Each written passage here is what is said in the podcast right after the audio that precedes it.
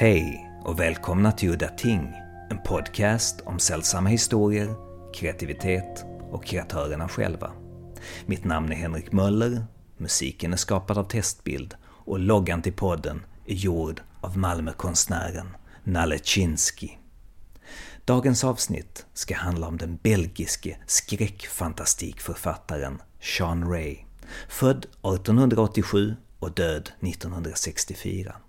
Sean Ray var en av författaren Raymond de Cremers pseudonymer. Hans märkliga skräckfantastik håller måttet än idag med sina absurda, groteska och skrämmande visioner. Under en lång tid så var de två mest lättillgängliga historierna The Main Salter och Shadowy Street, för de hittar ni i The Weird-samlingen, sammanställd av Jeff och Anne Vandermeer. Och det var också mitt första möte med Sean Ray. Om ni nu blir sugna på att läsa mer så finns Wakefield Press-utgåvor av Sean Rays samlade verk översatta av skräckförfattaren Scott Nicolay. Och det är han, tillsammans med den portugisiske författaren och Sean Ray-översättaren Antonio Montiero, som jag har lyxen att ha som gäster i dagens avsnitt. Så luta er tillbaka och låt oss försjunka i en av historiens mest unika och konstiga fantastikförfattare. Och vi kommer att börja med Antonio Monteiro. Starting out, I think our listeners would like to hear a little biographical information on Jean Ray. Jean Ray, his, his real name, of course, was Raymond Jean-Marie de Kremer. He was born in 1887 in Ghent, in northwestern Belgium, and he spent his entire life in Ghent. As you said, he, he, he started by writing quite different things. Uh, he became a, a, civil servant in 1910, and at the same time, he was writing uh, lyrics for songs in musicals. Uh, so he was interested in theater, and he eventually married a, a, a musical actress. and uh, more or less at the same time as perhaps at, as early as 1904, 1905, something like that, he started to publish uh, short texts of fiction in Belgian newspapers and magazines. And uh, in 1919, uh, so all, about 100 years ago, he wrote and published his first fantastic tales. One called uh, La Vengeance, The Vengeance, uh, and the other Le Gardien du Cimetière, the graveyard keeper. So I, I believe that uh, entering the, the realm of the fantastic for Jean Ray was simply the result of his overflowing imagination, because he was such a prolific writer. Uh, he wrote in French and in Dutch, and in all, it is estimated that he wrote over 1,500 short stories and novels, and plus at least another 5,000 texts and chronicles of all kinds. He died, of course, in 1964 when he was 77 years old, and during the last months of his life, he confessed to his friends that he was so afraid of dying that he did not dare to fall asleep for fear of not waking up. And so I am not convinced that Jean Ray truly believed in the occult or in ghosts specifically, despite the fact that he wrote so much about them. I am sure he would very much like to pretend that he did believe in such things, simply to add to the mystery that he, willingly built around his personality. It is well known that he liked to spice his personal history, and so he would boast of having traveled the world, having been a smuggler of weapons and liquor during the American Prohibition era, uh, having been a pirate in the Atlantic Ocean, and so forth. And he would, he would even have us believe that his grandmother was a Red Indian, which is certainly not so. Scott Nicolay. If he ever went to sea, although his descriptions of nautical voyages and activities and life on shipboard and around the docks is, is you know apparently very realistic i'm not i don't have the background to judge it myself but those who can have said so you know there's the old story i remember ezra pound i think in the abc of reading he talked about he had a friend that was a sailor and this friend you know was interested in literature so he gave him the aeneid because he thought, you know, the main character is a sailor and he'll enjoy it. And you know, a month or two later, the fellow came back from voyage, and Pound said, "Oh, how did you like that book? You know, the Aeneid?" And he goes, "Well, I'll tell you the truth, I didn't really like it that much." And, and Pound said, "Really? I thought you know you'd enjoy it, being the main character is a sailor." And he said, "Sailor? Be gob! I thought he was a priest." You know, but Jean Ray really seems to pass that uh, smell test for the authenticity of his sailing. Maybe that is because he hung around the docks in Belgium and, and learned from actual sailors. Anyway, when you're talking about this fake biography, did he write stories that were published that were supposedly autobiographical? He didn't write necessarily these autobiographical things. He just sort of, um, when he was being interviewed and and and other, like say, other writers uh, contributed to this as well. And and and of course, for a long time there was no biography. Recently, there's been a biography released in Dutch. I have I don't read Dutch, so I haven't read it but uh, my colleagues in Belgium have, have told me that you know now that we have this a full record of his life, we know that these things aren't true. I read somewhere that he was heavily into the occult and that he actually believed in the supernatural. Is that true? Uh, there's no real evidence that he was an occultist or anything like that. To a large extent, I think his own idea, although obviously it, it derives from things that were in, in the world at that time, um, in, in the episteme, so to speak. You know, think people talking about the fourth dimension and things like that that obviously influenced a lot of other writers hg wells etc um, and he developed this idea uh, what he called le monde intercalaire the, the intercalary worlds these worlds that are outside of our own but somehow um, bridge into our own and and people can somehow cross over or other entities can cross over from those worlds it, it shows up all the way back in Whiskey Tales in one or two stories, one in particular. And and then it becomes really the touchstone of his best work after that. So that's really the central principle of his work. And there even in stories where it's not obvious, there are little little bits and hints and pieces of it that sort of connect back to that central theme. His there, there are some stories uh, in the book that just came out, Circles of Dread.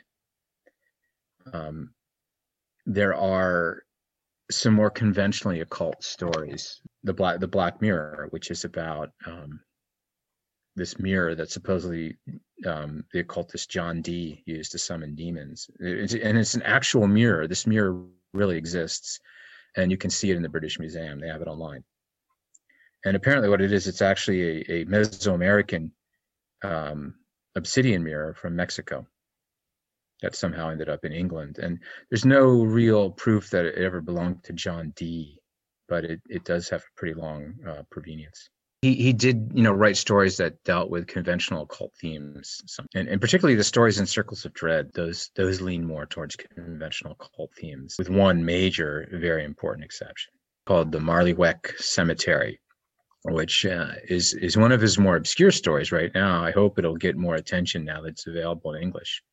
It's a fascinating story, and it's it's particularly fascinating because it to me it's the key to understanding how a lot of his other stories fit together. So it begins with this uh, protagonist narrator who is um, kind of a, a curmudgeon or a not quite a recluse, but he, he speaks explicitly of his lack. He you know he doesn't like other people, and he has really only one friend um, this strange man called Peefy. Peefy turns out to be a really central character who reappears throughout uh, Jean Ray's work. So in the story, Peefy is this fellow who occasionally comes to borrow money from the narrator, and in return, he shows him strange sights in the city of London, which is where the story is set. Um, one of these is an umbrella that sort of floats around in the rain all by itself with no one holding it another is a window that opens in a wall that you can only see at certain times and and it's very dangerous to put your head inside of it. And and eventually they of course the marlyweck cemetery itself is this strange cemetery they go to see and, and they've tried to see it before but apparently it moves around. So so you can start to see how this is sort of uh, similar to some of China Miéville's work uh, not necessarily the the Bas-Lag stories but the stories that are set in London and the, the interesting about Peefy is he's described as this character who's sort of tall and skinny, and he wears a, a, a raincoat, and the buttons on the raincoat are described like the suckers of a squid, and and this really connects Peefy to a series of characters that are strung throughout Jean Ray's literature and back to his own actual biography, the real details of his life. Um, in, in, and it sort of ties into almost all of his major stories. For instance, in the the Mayence Psalter, the Psautier de Mayence, um, one of his greatest stories about this doomed sea voyage.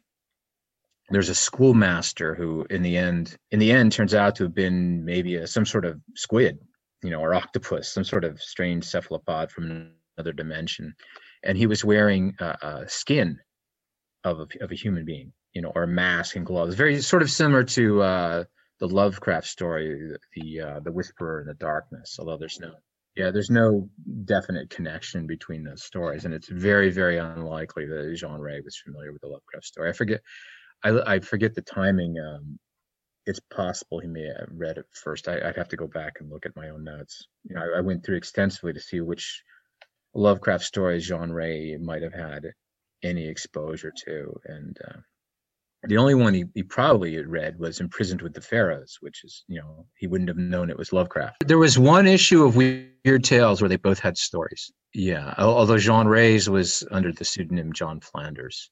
And I think Lovecraft actually did comment positively on on that story. So Jean Ray had several stories in Weird Tales. So Lovecraft almost certainly saw those. It's a question I tried to answer because there's sort of been an assumption that Jean Ray was influenced by Lovecraft and Hodgson. And then other people denied that he could have had exposure to Hodgson. In fact, he definitely did. Um, so Hodgson is more likely than, than Lovecraft. Anyway.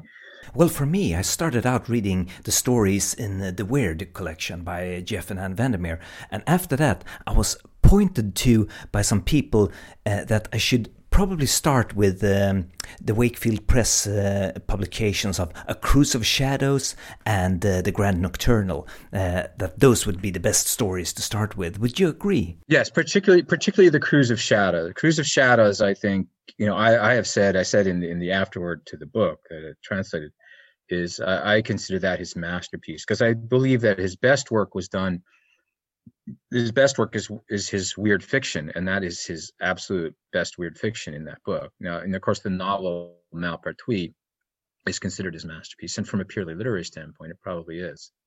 It's not as weird as Cruise of Shadows, uh, the stories in Cruise of Shadows. And Cruise of Shadows is weird from end to end. There are seven stories and novellas in that book, and every one is weird. And even the weakest story is is better than almost anything you know other people are doing even still today in, in, in the weird not to take i mean there's an incredible a number of fantastic writers working in the weird but this stuff still stands up today well, you know, I can see a recurring technique. For example, in The Shadowy Street and in Malpertuis, uh, he has this sort of narration uh, where you where the story unfolds through different narrators and you see the story from different perspectives and and, uh, and you can sort of add up the events. Well it's it's the sort of thing that you'd get from someone like uh, later on from italo calvino for instance you know? Uh, it has that level of, of complexity. I, I, think particularly of, of you know calvino's novel if on a winter's night a traveler which is a bit more um, explicitly literary or meta literary than anything Jean Ray did, but it has that same sort of uh, or or variation of that sort of nesting doll structure, like a Russian Matryoshka doll. You know, that's what that's what Jean Ray does in in Malpertuis. Now, Malpertuis is this story that he worked on for probably close to two decades, and and there are fragments of it um, scattered throughout his his work. So it it it's it's when he what he finally published was it has the appearance of a complete standalone work, but there is uh, an unpublished, well, it's published but not officially, uh, novella, which is sort of an early draft of the Great Nocturnal. And in there, you can see how everything fits together. So you can see that the Great Nocturnal, uh, the story, the Centipede, and Malpertuis all come from these same roots, and and it goes back even further to other stories that it basically this idea of this this sort of house that's um, perhaps itself a focus of of other worlds, other dimensions, these intercalary worlds, this sort of great macabre house uh, is is based on his childhood memories of his own house, which was apparently a happy place for him, but also sort of huge and ominous and strange people coming in and out of it. I mean, obviously, a lot of that is his amplified childhood memories. But that becomes uh, that house appears in various forms, and in, in it's it's the house Malpertuis. It's also the house in uh, the Great Nocturnal. It's and it appears in uh, the Hand of Goetz von Berlichingen, uh, which is a story in Circles of Dread, you know, in various forms. So he he had these certain ideas, many of which go back to his childhood, that he returned to again and again. And what Malpertuis represents is his is decades, literally, he spent crafting those ideas into in, into something that would be a, a long form narrative. But he was never really quite a novelist. Uh, certainly, he worked very successfully in novella length, but um, so Malpertuis is this kind of mosaic novel, and it and it sort of it sort of zoom zooms in from one narrator to another, and and again it has this this thing you you mentioned like in Shadowy Street, you also have this found manuscript motif that he's very fond of.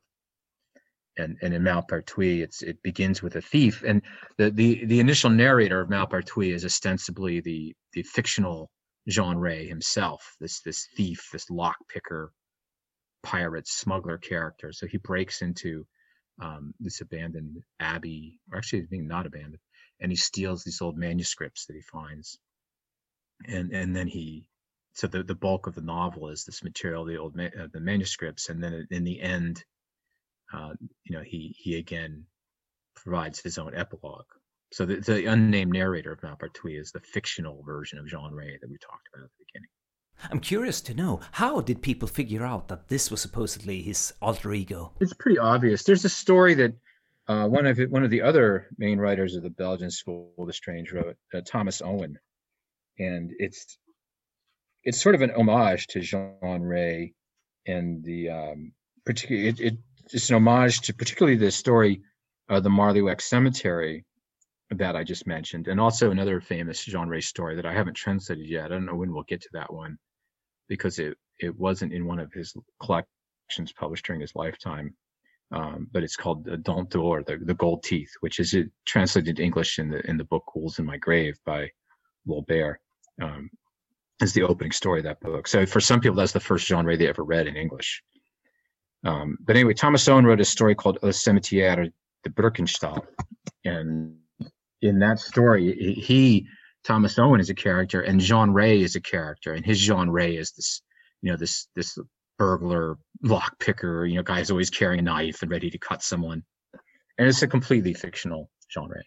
Obviously, you know, we have a lot of that in in the the weird tales writers. You know, they started doing that fairly heavily but you don't have quite the same thing in, in Ray.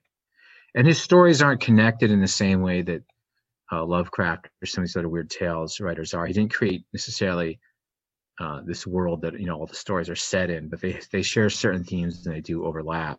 Like say, so I was talking about this character Peefy, who has this strange overcoat and is sort of a, a squid-like character. I guess you could picture him as the character Squidward in the SpongeBob cartoon almost. That's almost how he's described. And he's the same character as the schoolmaster in the Mainz Psalter. He's the same character that appears in uh, a story called The Story of the Wolk about a hunter hunting what may be a pterodactyl in an Irish swamp. Um, he the versions of this character appear in multiple stories, and he is the character uh, Filaret in Malpertuis, who is the taxidermist. And I won't give away the spoilers there, but he turns out to be a very important character. And, and when you get down to it, um, it turns out that there was an actual person uh, in, in Jean Ray's neighborhood when he was growing up. They had a store, and this is, you know, the, the probably very, very early 20th century. This is well over 100 years ago. There was a store in his neighborhood. Now imagine, you know, I imagine like me, you were probably a kid that was interested in weird, macabre things and monsters and ghosts and stuff like that. And, and all kids, maybe to some extent, are. Um, so in his neighborhood, they had a, a taxidermist who had a store where he sold taxidermied animals, but not just those. He sold automatons and other weird things like that. So literally imagine, you know, in 1905 or whatever, and you're a kid and you're going in the store down the street where they have stuffed monkeys and and robots. And, and so this character stuck in Jean Ray's head, who was a real person, and he made him a central character in a lot of his fiction. He's not always a taxidermist, but there are little clues that you can use to identify them. And and one, one of them is this behavior that the character has. And I don't know if it was a behavior of the actual taxidermist in his neighborhood, but he has these long, thin fingers and he he taps them on things to extract strange sounds from objects and sort of torture the objects. And that's a motif that sometimes occurs in the stories, even where there's no physical character. Yeah, in in um, the first story in in Cruise of Shadows, uh, in in that one, and it, it, it's called yeah, it's called the the horrifying presence. So in, in English anyway, in that story, there's a guy who's haunted by this invisible figure that taps on his doorway, and he actually sees the like the the, the claw marks coming through on his side of the door, even with the door closed. So so it's it seems to be that same character, but he's he's in, in disembodied form. So again, there are these motifs that subtly weave through Jean Ray's work and connect a lot of it, but they're it's not like say Lovecraft or Clark Ashton Smith or Robert Howard where they they reuse these same things like Miskatonic or the Necronomicon or Arkham or Cthulhu. It doesn't have things like that. It's it's more there are thematic things, but it's not necessarily set in the same world. You know, that you would get with Lovecraft or Faulkner or Stephen King, you know, all writers who have done that sort of thing. They could each be individual worlds, or it's just, you know, sort of one big haunted world he's describing, but there's more of a particularism. He's not sort of, he's not turning it into sort of a soap opera. To me, that's a, it becomes a weakness. I mean, this is a problem with you know those of us who who grew up with Star Wars, you know, we saw the original Star Wars film, and this this huge galaxy eventually, you know, became about one family. Right, exactly. I mean, I'm using these things as analogies, and you know, not necessarily as criticism of particular authors. I mean, in Lovecraft's case, it it took on a life far beyond you know his work with with dozens and dozens of other writers, uh, hundreds at this point, you know, adding to it. So what seems like a big mysterious world now becomes something that's just ubiquitous and and that doesn't really happen with Jean Ray, and you can't really do it with Jean Ray because he's not. The stories don't reference each other's internally, but they share these. You know, this like say there's this particular character, but he always appears in a different form. So he's it's it's always a memory of this real character that he grew up with, but it's never the same guy, and there's no. He's definitely not the same person, you know, floating between stories. If that makes sense and I talk about these things in, in the afterwards I wrote to the books as I, you know, as they, I talk about them as they manifest in each, you know, as you go through his, his oeuvre, these, these things become progressively more obvious or not obvious, but they, um, they, you, you, you've seen them several times by a certain point and you can point to them. So there's this, this taxidermist character, this sort of squid-like taxidermist character with the, the long, creepy fingers who likes to tap on things and make strange noises. There is um, this idea of the intercalary worlds, which is, of course, a, an element of, of of his very best works. You know, the the Mainz Psalter, uh, the Gloomy Alley, or, or the Shadowy Street, as as Lowell Bair called it, uh, and Malpertuis, uh, the Great Nocturnal. It, you know, that motif appears in all his great works and, and a number of, of minor ones or or not as great. Some of those stories, some of the other stories where it appears are also very good. That's really the the one his great idea, his great central ideas that intercalary worlds. There's another motif that I've talked about also that seems to appear. Uh, he's obsessed with disembodied hands. And these appear throughout his fiction. Sometimes it's a giant hand, sometimes it's a tiny little hand as in Malpertuis. Sometimes it's a severed hand. Um, sometimes it's a you know a hand that's um, mysterious and you just can't see you know what it's attached to.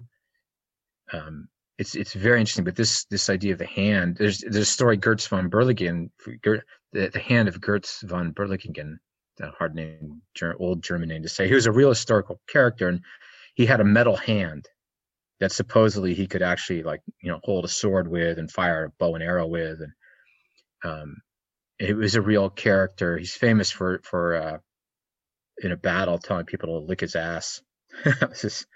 he's he's still famous for that. He's um, Goethe wrote about him, but and you can see I think there's supposedly multiple metal hands in various museums in Germany that are supposedly his actual real hand. So the the book is about this. The story is about this hand. So again, there's a metal hand. There's this this motif of the of the mysterious hand appears in almost all of Jean Ray's work somewhere or other. It's a very interesting thing. And I, have suggested that, you know, I, I think it may um, go back. I mean, as I said, there were certain French authors prior to Jean Ray who would would be would belong with the weird, but sort of afterwards, the French and Belgian literature go in different directions. And one obviously is de Maupassant. And, and of course, de Maupassant had the story, the hand, Le Main. And that that seems to I, I would ex- I expect that's part of where Jean Ray got this motif from. Um, and and interesting thing is, and I didn't know this until a few years ago. Uh, my my my partner Anya Martin actually found this this article uh, about it and, and, steered me to it's really interesting. And I, I mentioned it I think in the afterword to uh, the, the translation, which is de Maupassant's hand is probably a real hand that belonged to the poet Swinburne, who who de Maupassant knew briefly, and they had this severed, mummified hand, him, Swinburne and his lover, and they'd sort of carried around. And I guess de Maupassant ended up with it after Swinburne, Swinburne's death. So, so de Maupassant had this real, it's a strange literary connection, you know, from Swinburne to Jean Ray. But de Maupassant had this real dead hand that that he inherited from Swinburne, and and that's probably where de Maupassant got his idea for a severed vengeful hand and uh, and certainly i think almost certainly jean Ray knew that story so it's probably one source of that. But there's this hand motif is just, it's ubiquitous throughout his work. It's very interesting. It's so ubiquitous and has so many so many different forms that it's hard to tell for sure where it came from. I think also i mentioned that he may have read or, or may have been familiar with because it, it's there's there's conflicting stories about how fluent he was in English. He obviously understood some English, but uh, you know now that we have a biography, uh, my sources tell me that he he was never fluent in English, and so he wasn't reading uh, Lovecraft, for instance, in in Weird Tales on any kind of regular basis. He may have tried to puzzle some of it out. Um, but I suggest that he may have been familiar with the story Imprisoned with the Pharaohs that Lovecraft ghost wrote for Houdini and and that was a special issue of Weird Tales, and it so it, it you know would likely have been distributed in you know in in Belgium and worldwide, and um, Jean Ray, you know, given that it was under Houdini's name, Jean Ray probably would have had some interest in it if he encountered it, and may have asked someone who was fluent in English to to describe the story to him. And of course, the the end of that story, I'm sorry, you know, the story is like almost 100 years old, so if it's a spoiler, you know, tough for anybody who hasn't read it. Um, but it's in in the Houdini story, you know, it, it Houdini himself is is lowered down into this strange underground area under the pyramids. Uh, you know, it's it's very pulpy and although you know, story I loved when I was a kid. Um, and at the end, he sees these these you know mummies and ghouls and monsters are making offerings to some strange figure in this this huge opening full of smoke, and from time to time, this strange monster like a hippopotamus with five heads comes out and grabs the you know the dead organs and things that they're throwing at it and you know at, at the end he realizes that this this isn't like a, a monster that it's actually the hand of the monster you know which is as big as a hippopotamus. And that and that this monster is what the sphinx is actually based on. And and i think that there, there's there's some hints of that story too in a couple places in Ray's. Well, it's not only in that story; it's a recurring theme in Lovecraft. I think it's in the Shunned House as well, where the main characters uh, discover they dig in the basement of the house and they see an elbow that they understand later is a sort of a, a part of a larger creature. Exactly. Yeah. So he's so it's it's a theme there too, and and and, and of course there's the hands the hand of Orlac, you know, and uh, it's it's there's plenty of places where where Jean Ray could have gotten it, but there there's certain places just seems to echo certain uh, motifs, and and then in, in, and of course there's the Hodgson story, the Gateway to the Monster. That and that was translated. That was one of the two Hodgson works that Jean Ray definitely read. That and the Ghost Pirates, because they were both translated into French and published in La Revue Belge um, in the 1920s. I think during the time Jean Ray was in prison, if I remember correctly. So he there's abs and he was friends with the I think the, one of the books is actually dedicated to the editor of that magazine. So he very definitely read um, the Ghost Pirates and the Gateway to the Monster uh, by Hodgson in French in the 20s. Another thing I just have to bring up is the recurring theme of houses in Jean Ray's work. Yeah, that's what I was talking about initially. You know, the the house Malpertuis itself. Um, there's sort of a smaller, you know, less completely ominous version of, of that house in the story I mentioned, The Hand of Goetz von Berlichingen. Um, German people are probably cringing as I say that name. And uh, um, it appears also in, in the Great Nocturnal, you know, this sort of sort of somewhat big shadowy house with strange secrets and occult figures lurking in the background. But Malpert, in Malpertuis, the house becomes so large that you know you can never really understand the full size of it. And it's and it's hinted that it, it opens into other dimensions. Although he doesn't really develop that aspect of it in, in the book. But it is hinted there. So there there's a part where it does hint that Malpertuis is part of this, you know, sort of network of intercalary worlds. Malpertuis, the house, I, I remember uh, walking around the, the city of Ghent, uh, the old part of the city where, where Jean Ray actually lived, where he was born. He was born in a, in a street called the Ham. And uh, I was guided in the, this uh, walk by my very good friend Andre Verbruggen, who is currently the, the president of that uh, society I mentioned, the, the Friends of Jean Ray. And as we went uh, along the, the streets and say, well, Jean Ray was born here and he went to school there, etc.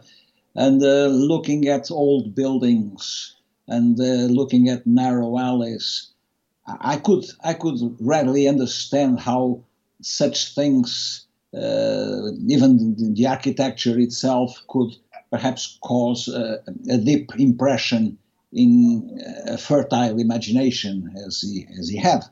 Uh, so I, am sure that Jean Ray, uh, passing those buildings and passing those streets and passing those walls, uh, could easily ask himself, what goes on behind?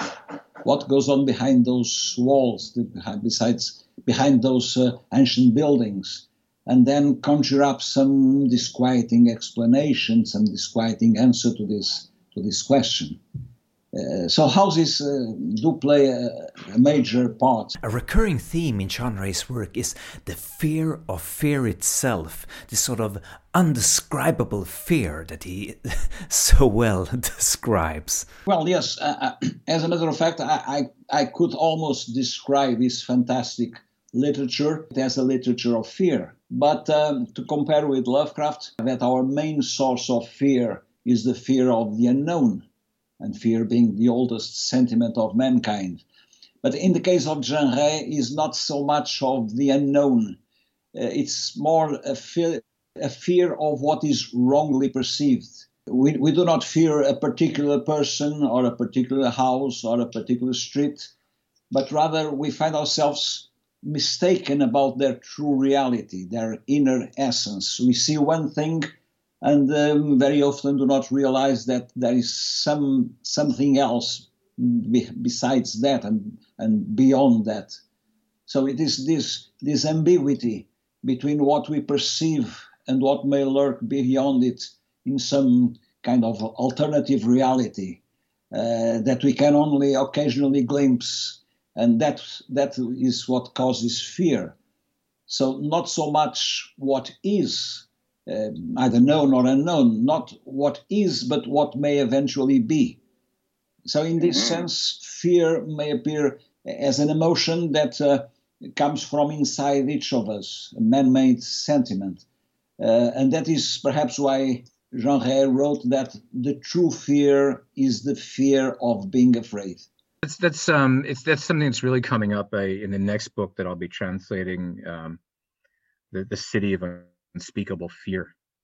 You know, and that's literally that's, that's literally the novel. His, his other novel, which is a little bit more of a mosaic even than Malpertuis. It's not not really a single narrative. It's multiple narratives woven into a frame. But yeah, I mean there there it's you know right in the title. You mentioned you know how that is with Lovecraft. I mean. It, the uh, the story, uh, the Houdini story, imprisoned with the Pharaohs, is a really good example of that because it has that sort of cliche Lovecraft ending where then I went temporarily insane, you know, and then you know, and then sort of a big leap in the story, and then the character is out on the other side.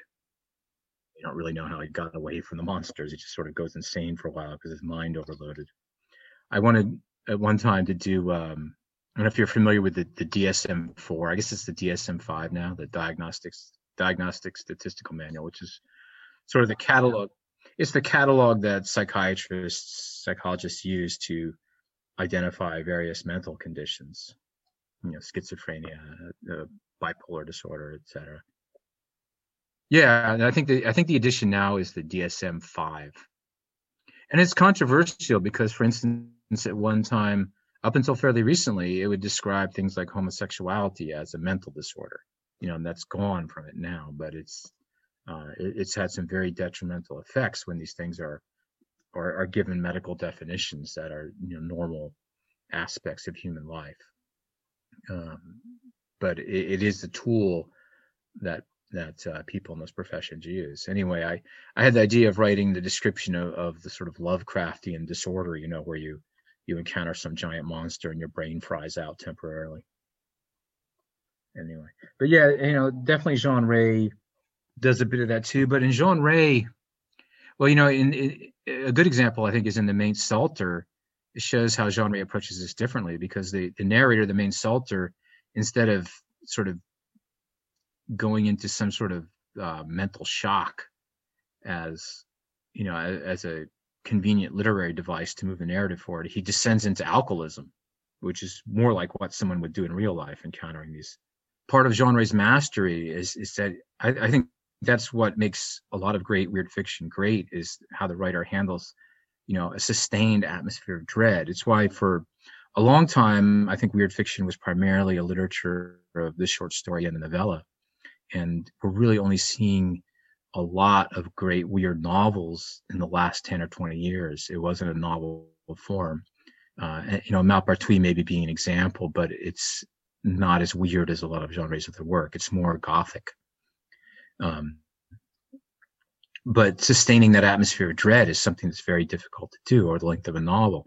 The the really great exception to it again is William Hope Hodgson. You know, even in the Nightland, which is this gigantic double you know novel, um, you know, War and War and Peace size thing, and and he he sustains you know atmosphere of dread throughout the whole thing. And that's that was Hodgson's great mastery, along with his big squidgy monsters.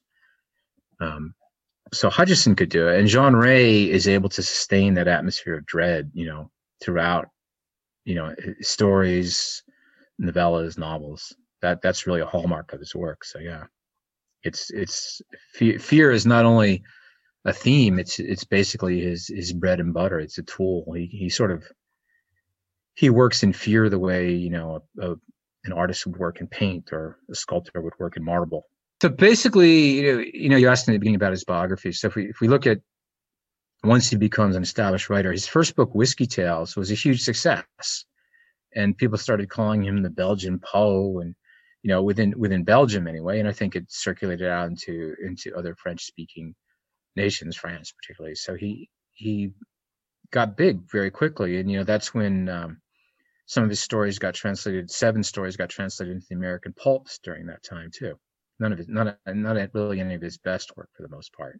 Um, and then, then he, you know, two years after that happened, when he was riding high and planning on on two more books already. I think he'd already signed contracts for. At least they were already, you know, there was already uh, titles announced, and he was working on them.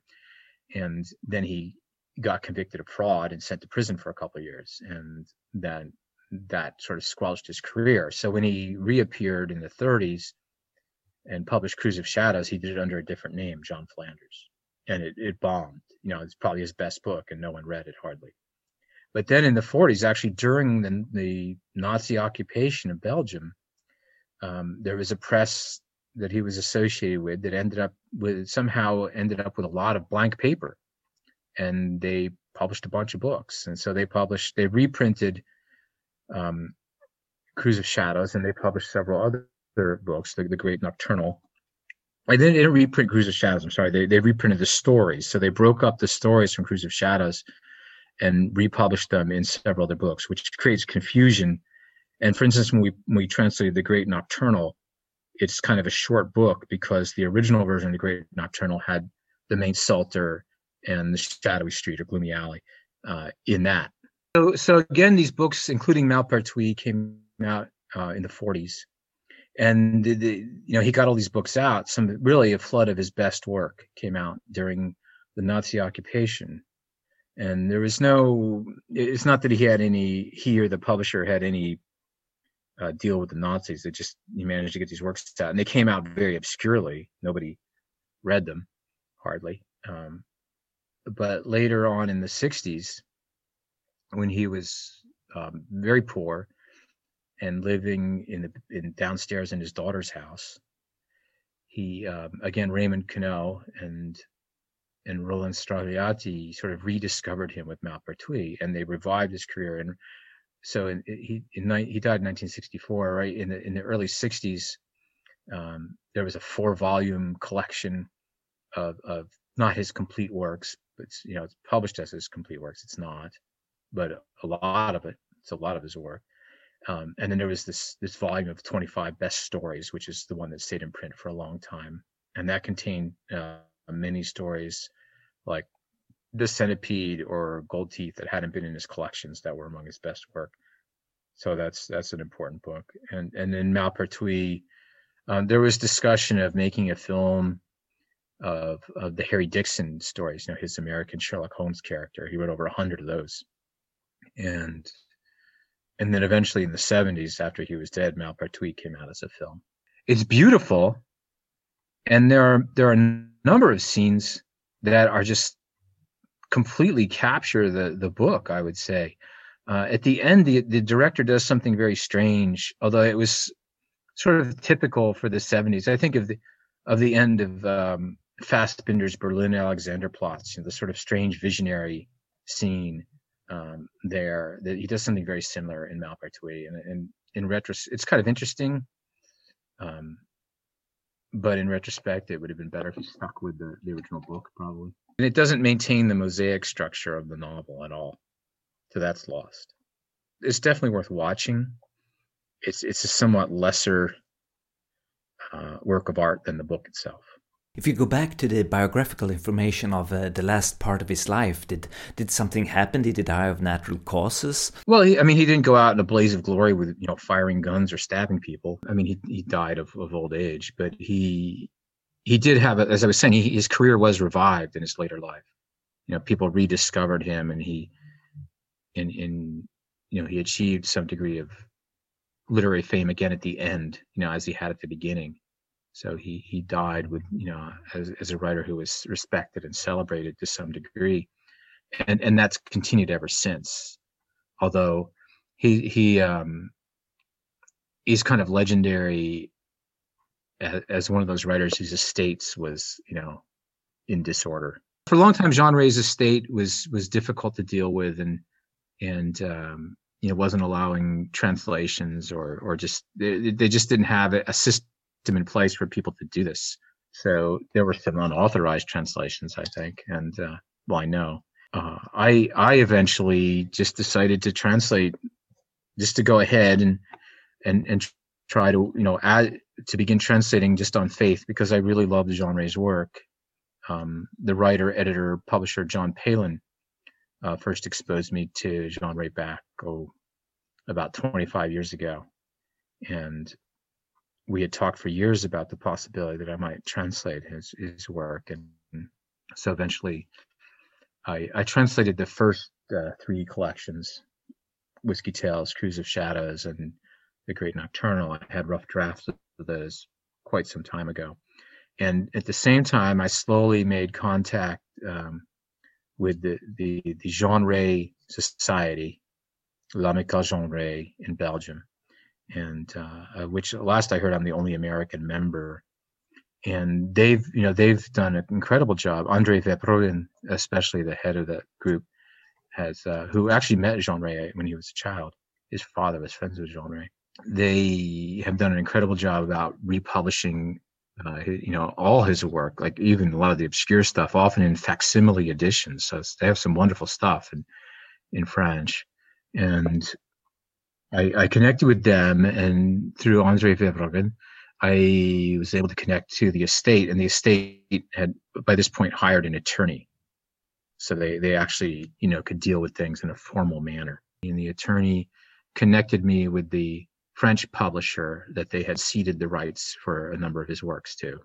And they connected me with their agent not not in the sense of like a literary agent that we would think of representing a writer but just their representative and the representative of the agent said to me well we don't work with translators we only work with publishers and uh, at that time the, the great french translator Ed, edouard Gauvin who's uh, done a number of um, writers from the Belgian School of Weird. You can see some of his translations on the the Vandermeer's Weird Fiction Review website, for instance. He's he's a fantastic translator, one of the very best out there, and he connected me with with Wakefield Press, and then Wakefield Press undertook the negotiations with the publisher, and eventually obtained uh, the rights to the first four collections, and has now obtained the rights to the two novels, and you know, we, we do a group at a time.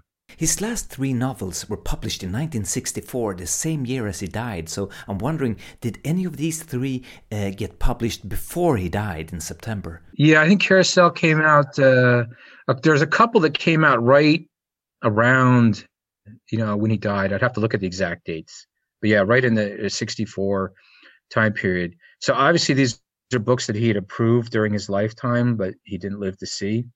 Um, that first English translation, uh, "Ghouls in My Grave," translated by Lowell Bair, who did a, a, pretty good job. It's good. It's a good translation.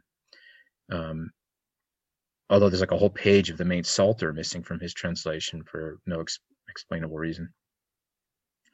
Um, that book came out in 1964 too, so I'm I'm sure that Jean Ray was aware of this, you know, involved in this process of English translation, just didn't live to see it and that's probably why it, you know no other translations followed and and and the book didn't stay in print.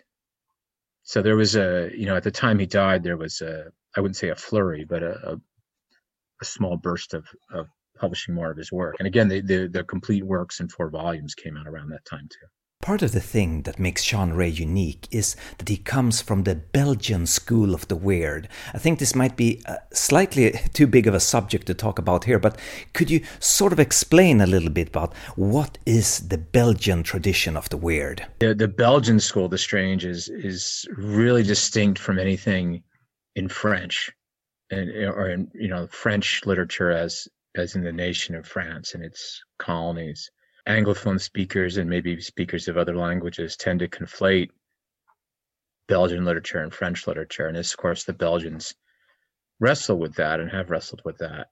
And, and, and of course, as a nation, they're somewhat bilingual. Jean Ray was bilingual. He spoke Dutch and French and wrote prolifically in both. But in the 20th century, the, the, the, Belgian school is more explicitly what we would now think of as weird, whereas the French school is more conventionally uh, fitting in genres of science fiction or fantasy, or or maybe blurring those boundaries, but not having the same dark elements as the weird. First of all, we must keep in mind that Belgium is a relatively uh, young country as an independent country. I mean, the, the, the Belgian Revolution that led to the independence from Netherlands it dates from the mid 19th century, from 1830. And so, uh, all along the, the, the, second half of the 19th century, I think that a, certain Belgian identity was being built and fortified. And that's uh, not only mm, through literature, but also through other artistic manif- manifestations. And uh, we must remember that uh, Belgium, despite being, as I say, a relatively young country in the European scene, uh, it was an important center for the development of a number of artistic movements, uh, like surrealism, uh, with important names like Paul Delvaux and René Magritte, uh, and also symbolism uh, with um, the works of uh, James Ensor, Fernand Khnopff, Maurice Maeterlinck, Félicien Rops, etc. Um, and later on, in, in the beginning of the 20th century, it, it was also an important artistic center for Art Nouveau and, and other movements. Uh, so I, I, think there was a, a great effort in in um, trying to establish a Belgian identity. Uh, for instance, um, uh, Jean-Baptiste Baronian, in, in his preface to a book called La Belgique Fantastique, The Fantastic Belgium, in 1975, he states that the birth of what he calls the Francophone Belgian literary fact is usually located around 1880 with the foundation of La Jeune Belgique, the Young Belgium, which was at the same time a literary society, a movement, an artistic and literary movement, and also the title of a magazine. So the whole set was was prepared for uh, novel uh, novel things to be to be produced, and so I think that this mixture of realism, uh, of everyday life, and of symbolism, as in the the, the arts, um, gave the gave rise to the the Belgian fantastic, in which I think the, the surreal, the surreal and um, and the, the, the, daily life are, are very important and, and, quite noticeable. And um, so the, the, the, main authors were, of course, Jean Ray and also Franz Hellens, who was a little older. Jean Ray was born in 1887 and Franz Hellens in 1881.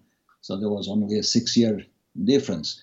And then there were other important names like Michel de Ghelderode, Thomas Owen, uh, and later on Gérard Prévost and others. Uh, so uh, in the case of, of Jean Ray, um, quite often it's it's not the supernatural exactly that is the the source of the fantastic, but it's the observation of, of prosaic things, the contrast between what is um, uh, real and palpable and what is ethereal uh, what is commonplace and what is totally outre, fantastic. Um, the carnal pleasures of eating and drinking are used as a means to stress the intrusion of, of, of the weirdness in everyday life. And so, this coexistence between the fantastic and um, our common human experience uh, means that, um, well, anything can and quite often is different from what it looks like. I mean, uh, Jean Ray describes a, a, charming old lady, but she can be a monster. Uh, our, our best friend can be a ghost. And the, the boogeyman can not only exist, but be our next door, door neighbor. And uh, so, in many of his stories, you, you, you find this, um, this kind of double perception. Like, uh, for instance, in Le Grand Nocturne, the great nocturnal, uh, Theodule Not is the devil himself. And in Malpertuis, Eisengott is the Greek god Zeus. And in uh, La Cité de l'Indicible Peur, uh, Florence Honningbingle is, is a murderess, uh, whom, she, she, whom Jean Ray describes as a bloodthirsty monster. Uh, so this means that the, the daily order of things is disturbed by a host of entities uh, and um, and the fact that this uh, eruption eruption of, of the uncanny um, appears possible, even inevitable, I, I would say, gives uh, strength and coherence to the writings of Jean Ray. I mean, uh, every door in a building may live into some unknown world. Every street may depart from everyday reality and lead us uh, into some dark spots. So it's a, I think this it's this mixture of, of the, the daily life and the, the fantastic that characterizes the, the the Belgian school of the fantastic, especially through surrealism and symbolism. I, I remember uh, walking around the, the, city of Ghent, uh, the old part of the city where, where Jean Ray actually lived, where he was born. He was born in a, in a street called the Ham. And uh, I was guided in the, this uh, walk by my very good friend Andre Verbruggen, who is currently the, the president of that uh, society I mentioned, the, the Friends of Jean Ray. And as we went uh, along the, the streets and say, well, Jean Ray was born here and he went to school there, etc., and uh, looking at old buildings and uh, looking at narrow alleys, I could I could readily understand how such things uh, even the architecture itself could perhaps cause a, a deep impression in a fertile imagination as he as he had. Uh, so I, am sure that Jean Ray, uh, passing those buildings and passing those streets and passing those walls, uh, could easily ask himself, what goes on behind? What goes on behind those walls? Besides behind those uh, ancient buildings and then conjure up some disquieting explanation, some disquieting answer to this to this question. I would like to round off this episode by asking you, gentlemen, what are your favorite Jean Ray stories and why? Yeah, absolutely. Well, the, you know, the one I've I've mentioned a couple times that's in the, the most recent translation, Circles of Dread, the story Marley, the Marlyweck Cemetery. Um, I think it's really is, is currently my favorite.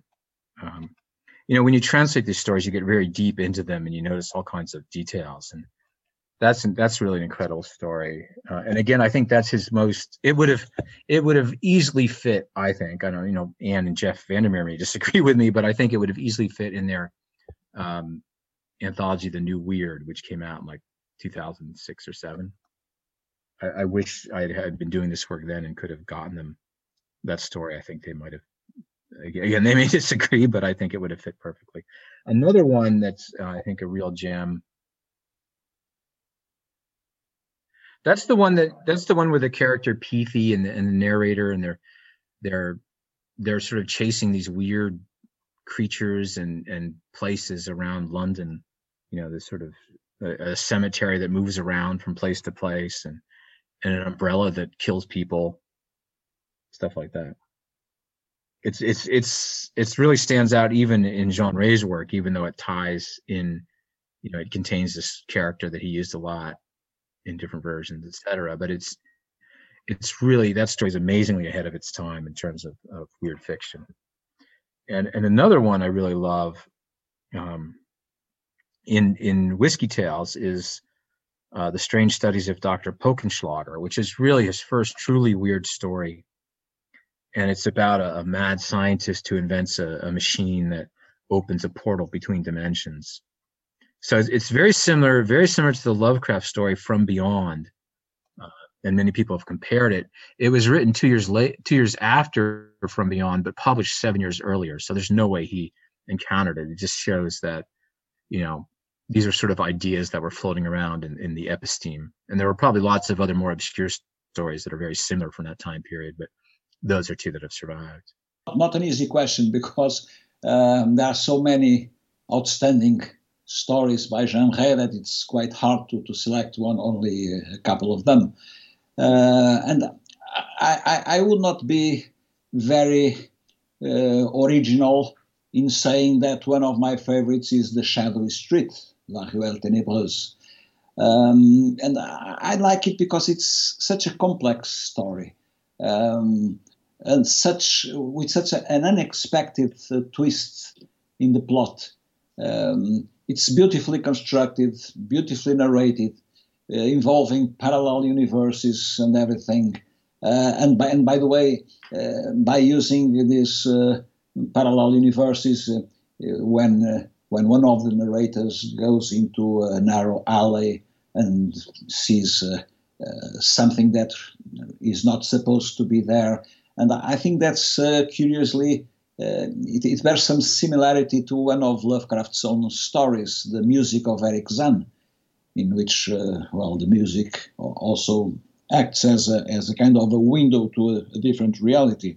Well, I'm fascinated that you mentioned the shadowy street because I like it very much, but after a while you sort of get confused and you feel like you're in a uh, David Lynch movie. And uh, maybe you have an explanation for the shadowy street. I don't know if I can actually explain it because one of the purposes of Jean Ray was precisely to to bring some confusion to his reader. Like I was saying before, uh, in the sense that uh, one thing can hide a different reality. You, you walk on a, on a in a common everyday street in a, in a city you know well, and um, all of a sudden you, you spot an alley that shouldn't be there, and you try to go into that alley and then you start seeing things that you really don't understand but uh, perhaps you're, you are not really meant to understand them so I, think that is the, the main point. and another one maybe my, my favorite of all in cruise of shadows there's a story called Mondscheinfahrt which is a german term for like these, these moonlight cruises that they would do on a lake. You would take this boat out on the lake, and everybody would get really drunk. It was quite a bacchanal, apparently, and that's an incredible story. I think it's his most, um, maybe Jean Ray's one of his greatest stories and, and least well known of, of the really great stories. And and it has a deal with the devil scene. It's a weird story. It's truly weird fiction, but it also has a, a weird uh, has a deal with the devil, which is not you know, I don't think the devil is something I see as part of weird fiction because, you know, my thinking of weird fiction doesn't include, you know, figures from Christian mythos, right? But but uh, the character, the protagonist, does a deal with the devil. It's one. Of, it's really, I think, the greatest deal with the devil scene ever. And then it goes on to some deeply weird stuff, and you know, Einstein and the fourth dimension and stuff like that. It's um, it's a, it's a very dark. It has a very noir-like atmosphere, and that I think it's true of a lot of genre stories uh, which ties in, I think, to some of the, the, things that you were touching on, the ideas of fear. There's, I, have described people, I've described genre to people, his writing as sort of halfway between Poe and Jim Thompson. To me, that's if, if you want to describe his prose, it's it has that immediacy of Jim Thompson, along with this sort of atmospheric dread that that Poe was so skilled at in his best work. It's a mix of sort of the gothic, the weird, and, and noir. And you know, there are stories like Gold Teeth that I've mentioned. Um, is is an explicitly noir story. It has a macabre element. It takes parts take place in a cemetery. And it's about grave robbing, but it's the plot is completely noir. So I'll mention that um, I did read Mike Davis, who does Lovecraft Ezine. He's got a, a video podcast, and I if you Google up my name and Jean Ray or my name and Lovecraft Ezine. I read one of these stories that I talked about uh, recently, and um, on my own podcast, which I which Anya Martin is running now, I've taken some time off from it. I read, um, I think, the Marlyweck Cemetery. I don't know if that's actually if she's put that up yet. So you can hear me read a couple of these stories online. Ja, det var allt för den här gången. Mitt namn var Henrik Möller. Musiken var skapad av Testbild. Hej då!